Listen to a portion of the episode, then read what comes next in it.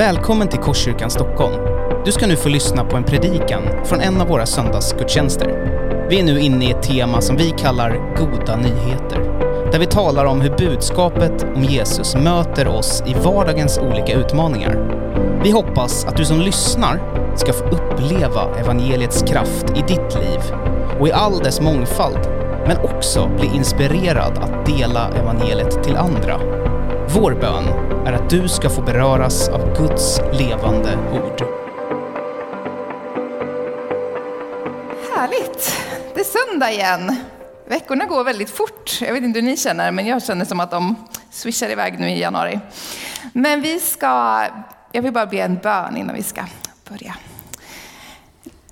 Lyssna till Guds ord. Herre Jesus, tack för att du är här. Tack för att eh, Eh, du vill tala till oss på olika sätt. Och jag ber om att dagens budskap, att du verkligen ska göra våra öppna hjärtan för det. Att det är, ska få vara dina ord som sägs.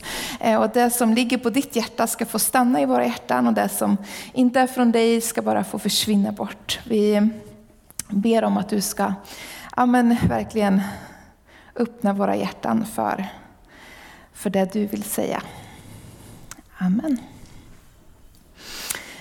Ja, förra veckan så var det ju vittnesbördsgudstjänst eh, och vi hade tre personer som delade lite av vad Gud hade gjort i deras liv förra året.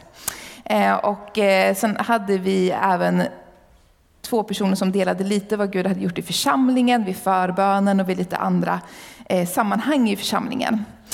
Eh, och vi fick även höra ett annat kort vittnesbörd från Alfan. Jättekul var det! Eh, helt fantastiskt. Och jag vet inte hur ni kände som om, om du var på plats eller inte, men om du var på plats så hoppas jag att du också kände dig väldigt uppmuntrad av den gudstjänsten. Jag kände mig i alla fall väldigt uppmuntrad.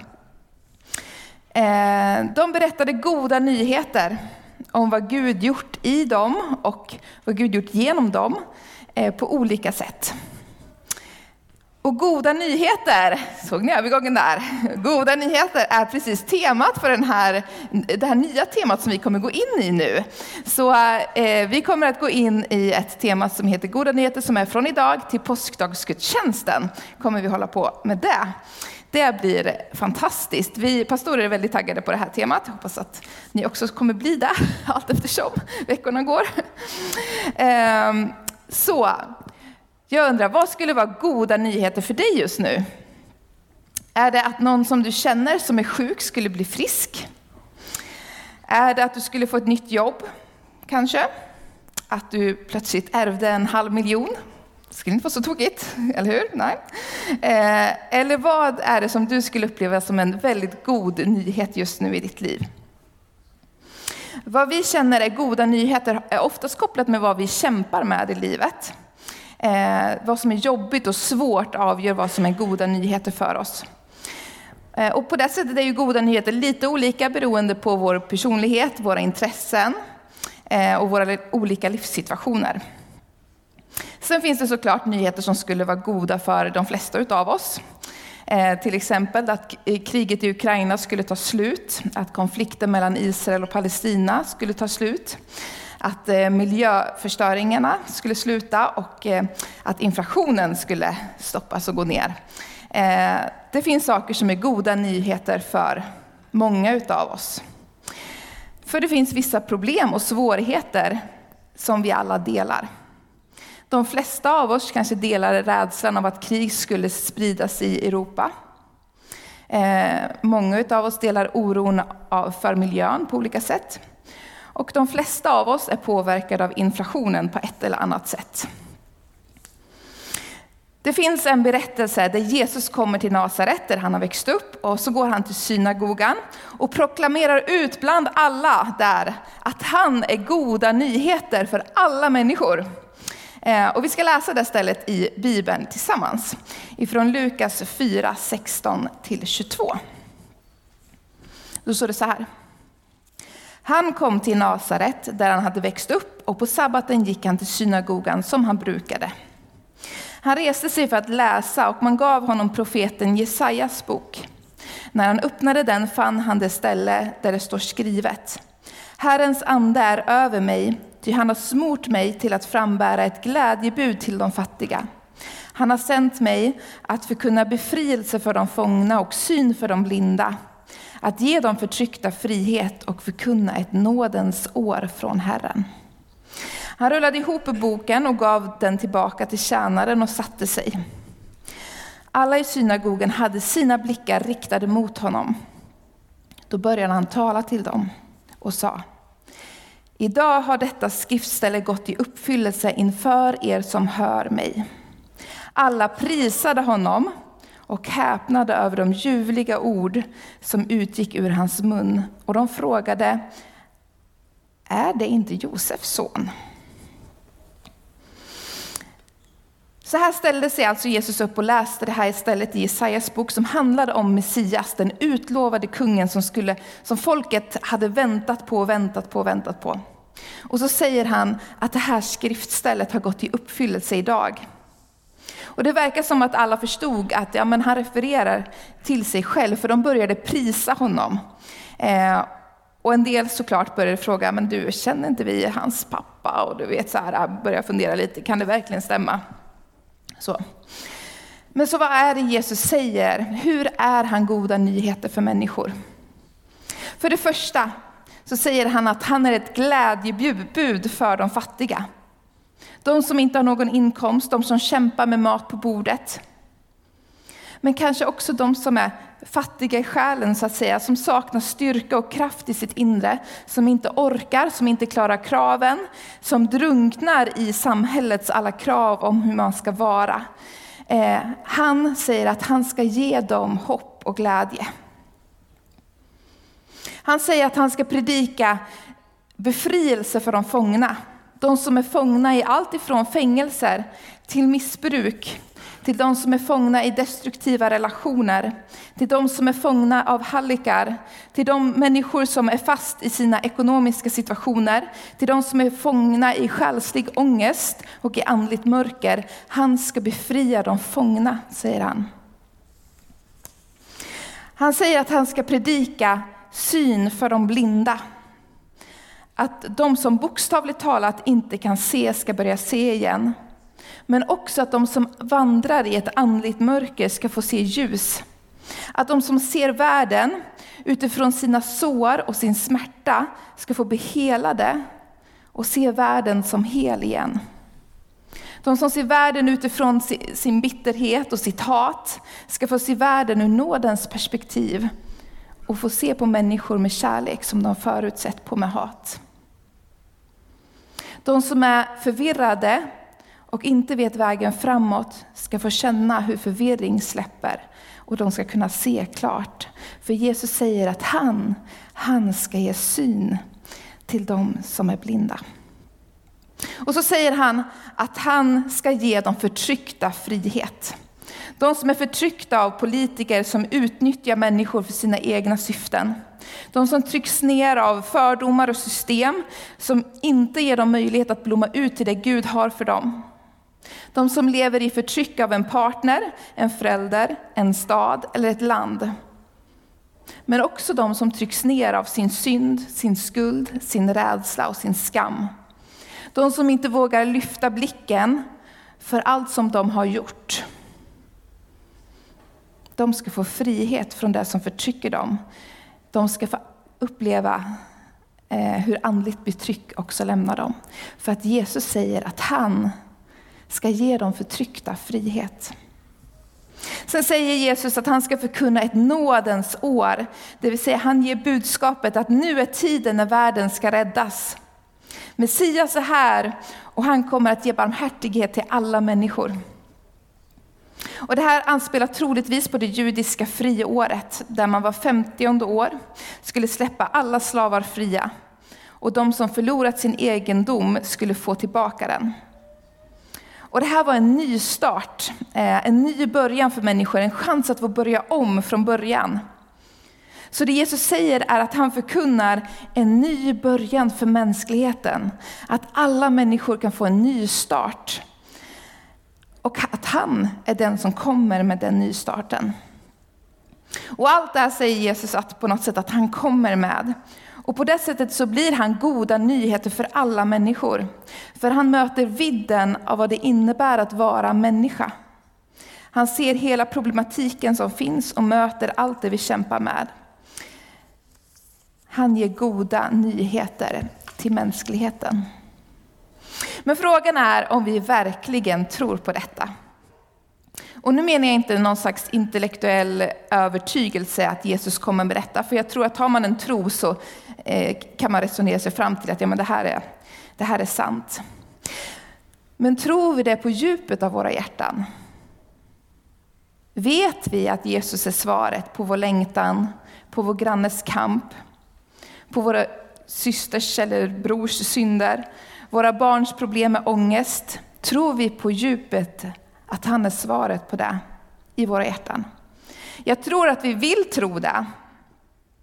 Men vi har blivit så matade med att svaret på mänsklighetens problem är utbildning, att man får det bättre ställt ekonomiskt, att män slutar förtrycka kvinnor eller att vi löser miljöproblemen. Eh, bara vi liksom löser de här sakerna, då kommer allting att bli bra. Då kommer världen bli som den var tänkt att vara och det kommer inte vara några problem längre. Eh, och det kan vara svårt att verkligen tro på att men, Jesus kanske är svaret på, på alla de där frågorna någonstans. Men vi vet nog att även om vi skulle lösa många av de där problemen, så, eh, så vet vi att människor, vi människor skulle ändå krångla till det förr eller senare igen. Vi skulle hitta ett nytt sätt att förtrycka varandra på. Eh, för problemet är i grund och botten människans egen ondska och själviskhet. Jag vet inte om ni någon gång har fått den här reaktionen när ni har berättat att ni är kristna. Wow, tror du på Jesus? Fantastiskt! Det är ju helt amazing. Jag har, jag har letat efter människor som tror på Jesus. Jag tror verkligen att ni har svaret på det här, alla världens problem. Om ni bara var lite mer frimodiga så skulle detta land förändras. Har ni någonsin fått en sån reaktion när ni berättat att ni är kristna? Nej, jag tror att det inte är någon som har fått det. Eh, jag har i alla fall inte fått det. Oftast när jag berättar att jag är eh, troende så blir folk lite skeptiska eller så blir de lite så osäkra och vet inte riktigt hur de ska reagera. Så de liksom så här, ah, åh kul, och sen så byter de snabbt samtalsämne. Eh, men vi och resten av det svenska folket har snarare blivit matade att vi är en del av världens problematik. Eh, det religiösa förtrycket är en del av liksom, det som vi måste få bort. Liksom, så. Men så det är inte konstigt om vi har det svårt med att verkligen med övertygelse kunna säga att Jesus är goda nyheter för hela mänskligheten, för alla människor. Och att vi också börjar leva som att det är goda nyheter för alla människor. För om vi alla levde med övertygelsen av att Jesus är goda nyheter för alla, så skulle vi troligen vara lite mer frimodiga. Vi skulle vara mer stolta över vår tro Eh, och vi skulle inte gömma vår tro. Vi skulle berätta så snart vi får ett tillfälle att vet du vad? Jesus, han har kommit och han säger att han vill ge liv och liv i överflöd till dig. Våra liv skulle kretsa kring att dela det goda budskapet, för vi skulle veta på djupet av våra hjärtan att det är det enda som verkligen kan rädda den här världen. Det är det enda som verkligen på riktigt är lösningen på människors ensamhet, gängkriminaliteten, våldet mot kvinnor och barn, kärlekslösheten i samhället, på ångesten och förvirringen, på känslan av meningslöshet. Visst, andra saker kan också vara bra. Utbildning är bra och så vidare. Och det kan hjälpa stundvis och kan hjälpa en del. Men det som verkligen förvandlar ett samhälle på djupet är Jesus. I Lukas 14 så berättar Jesus en liknelse om en man som skickar ut inbjudningar eh, till en festmåltid. Eh, men när tiden är inne för festmåltiden så tackar flera nej. De, är inte, de vill liksom sköta sig själva och klara sitt jobb och så vidare. Och då utökar han inbjudningen till alla som vill komma.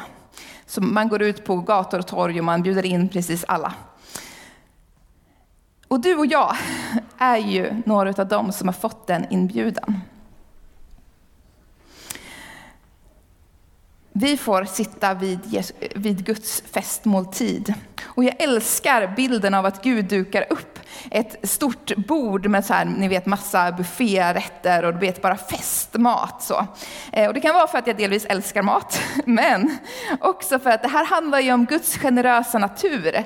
Att eh, Gud, han ger oss inte bara korv och makaroner eller det vi behöver för att nödvändigtvis överleva, liksom. utan han ger oss flera goda rätter med massa, massa gott så vi kan äta oss proppfulla eh, med mat som smakar helt fantastiskt. Gud vill ge dig ett liv fullt av glädje, fullt av hopp, fullt av meningsfullhet, av kärlek och eh, med ett syfte. Jesus kom till jorden, dog på korset, uppstod igen för att du skulle få uppleva ett liv i överflöd. Både här på jorden och i himlen i evighet. Och den här temaserien som vi nu är inne i då, kommer börja idag, Goda nyheter. I den så hoppas vi att vi ska få förkunna de goda nyheterna om att Jesus kommer till vår värld. Eh, eller de goda nyheterna om vad Jesus kommer med till vår värld. Utifrån många olika ämnen som berör oss idag. Och det här är en serie som vi hoppas ska öka vår tro och vår övertygelse om att Jesus är världens hopp. Eh, det finns inget annat som är världens hopp. Eh, och att det ska få liksom växa i oss eh, en, en liksom visshet om det. Men vi hoppas också att människor ska få uppleva under den här serien att de ska få bli befria från betryck, fria att leva det liv som Gud har tänkt, fria att tillbe helhjärtat, att förvirring ska försvinna, att man ska kunna se klart och så vidare.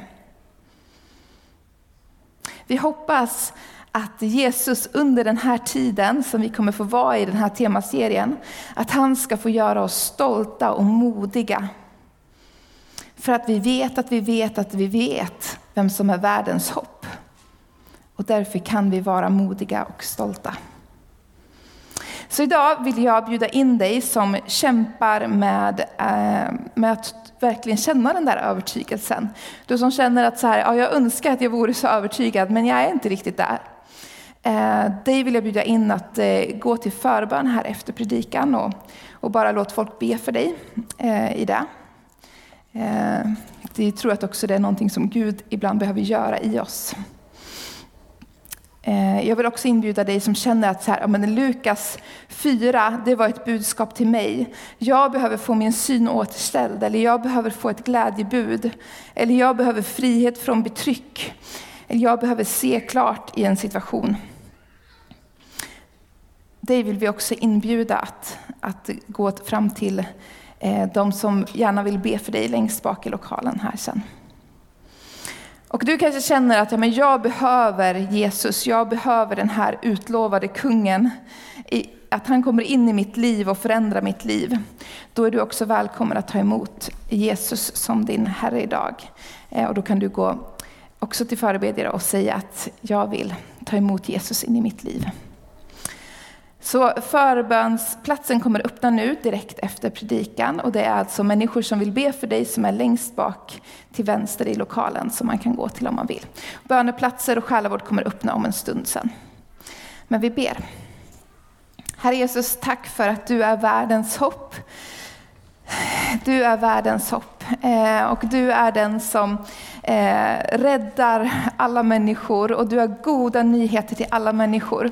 Du har så mycket som du vill förvandla och förändra i oss eh, och i alla människor på den här jorden. och du, ja, du älskar oss så mycket eh, och har så mycket gott för varje människa. Och jag ber om att alla här inne ska få se, under den här temaserien verkligen ska få se hur du är världens hopp. Eh, hur du är varje människas hopp och hur du kan komma med ljus eh, och glädje in i varje människas liv. Amen. Du har nu lyssnat på en predikan från Korskyrkan Stockholm. Du är alltid välkommen att besöka våra gudstjänster. De är på söndagar klockan 11.00 på Birger i Stockholm. Om den här predikan har väckt frågor eller om du önskar att få kontakt med oss så hittar du våra uppgifter på korskyrkanstockholm.se. Där kan du också läsa mer om vår verksamhet. Gud välsigne dig.